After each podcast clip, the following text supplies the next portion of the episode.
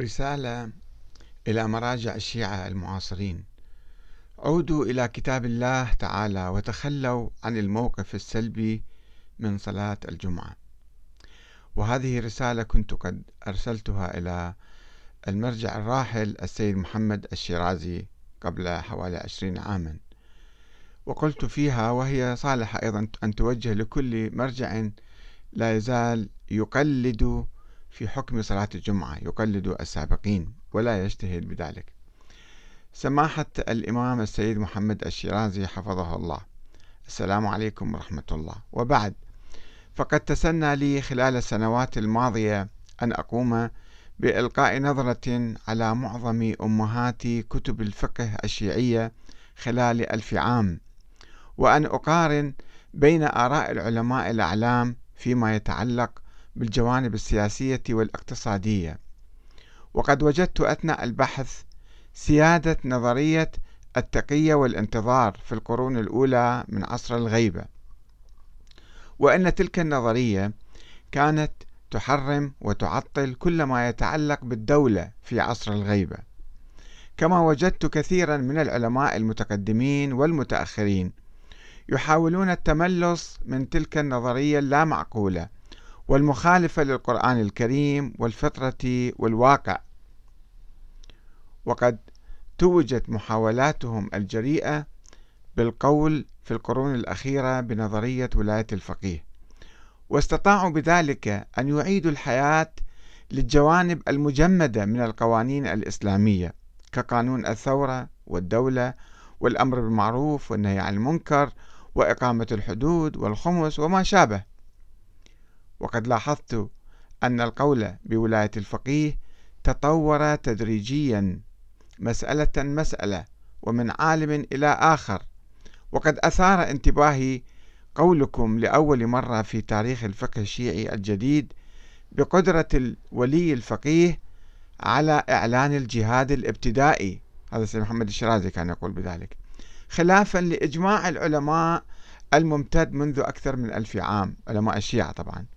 والمبني على قاعدة نظرية التقية والانتظار. وقد عززتم بذلك نظرية ولاية الفقيه وتقدمتم بها خطوة إلى الأمام. وأعتقد أن هناك خطوة مشابهة أخرى تحتاج إلى التنفيذ وهي صلاة الجمعة. وهي كما قلتم في كتاب الفقه ثابتة بصريح القرآن الكريم والأحاديث الصحيحة. ولكن الذي أدى إلى تحريمها أو نفي الوجوب عنها هو القول بنظرية التقية والانتظار. هذه الشبهة التي أدخلت الشبهة على الفقهاء. واشتراط حضور الإمام العادل أي الإمام المعصوم أو إذن نائبه الخاص. هذه الشبهة.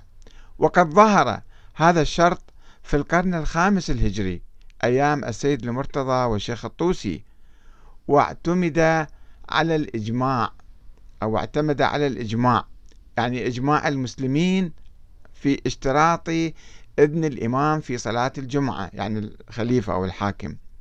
وكان عامة المسلمين يقصدون بذلك الحاكم بصورة عامة. الشيعة اعتمدوا على هذا الإجماع. وقد استورد أصحاب مدرسة التقية شرط الإجماع هذا من العامة يعني من السنة. ثم أضافوا إليه شرط العدالة ثم فسروا العدالة والإمام العادل بالإمام المعصوم. ولما كان الإمام العادل المعصوم غائبا حسب النظرية الاثنى عشرية فقد قالوا بتعطيل صلاة الجمعة في عصر الغيبة. وكان عملهم هذا جزءا من أعمالهم الأخرى التي عطلوا فيها الجوانب السياسية المهمة في الحياة لعدم وجود أو ظهور الإمام المعصوم المهدي المنتظر.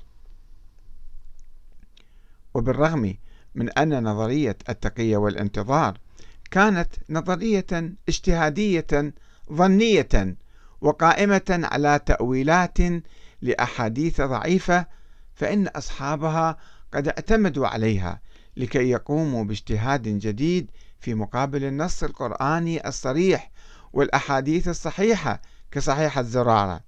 ويقول بتحريم صلاة الجمعة أو سقوط وجوبها.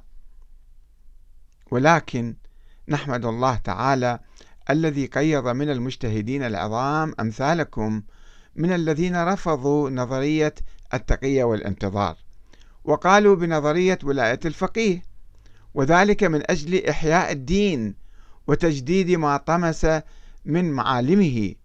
وحسب ما أعلم أنكم تقولون بولاية الفقيه المطلقة. وهذا ما يعني أنكم تقولون بضرورة الإمامة في عصر الغيبة. ولا تشترطون العصمة في الإمام المعاصر. ومن هنا فقد تخليتم عن الإجماع السابق.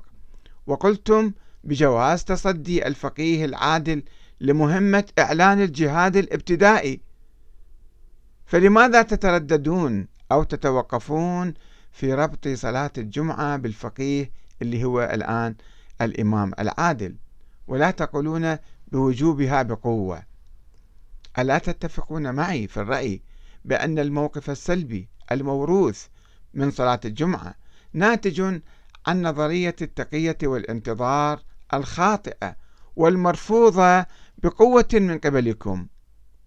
وألا تعتقدون أن هذه المسألة بحاجة إلى مراجعة جديدة وإلى مراجعة في أصول الاجتهاد فيها وذلك بالعودة للتمسك بالنصوص الصريحة والصحيحة ونبذ القياس والاجتهاد بالرأي في مقابل النص الصريح والاعتماد على الاحتمالات التعسفية والتأويلات الباطلة أسوة ببقية المسائل التي عطلتها نظرية التقية والانتظار السلبية.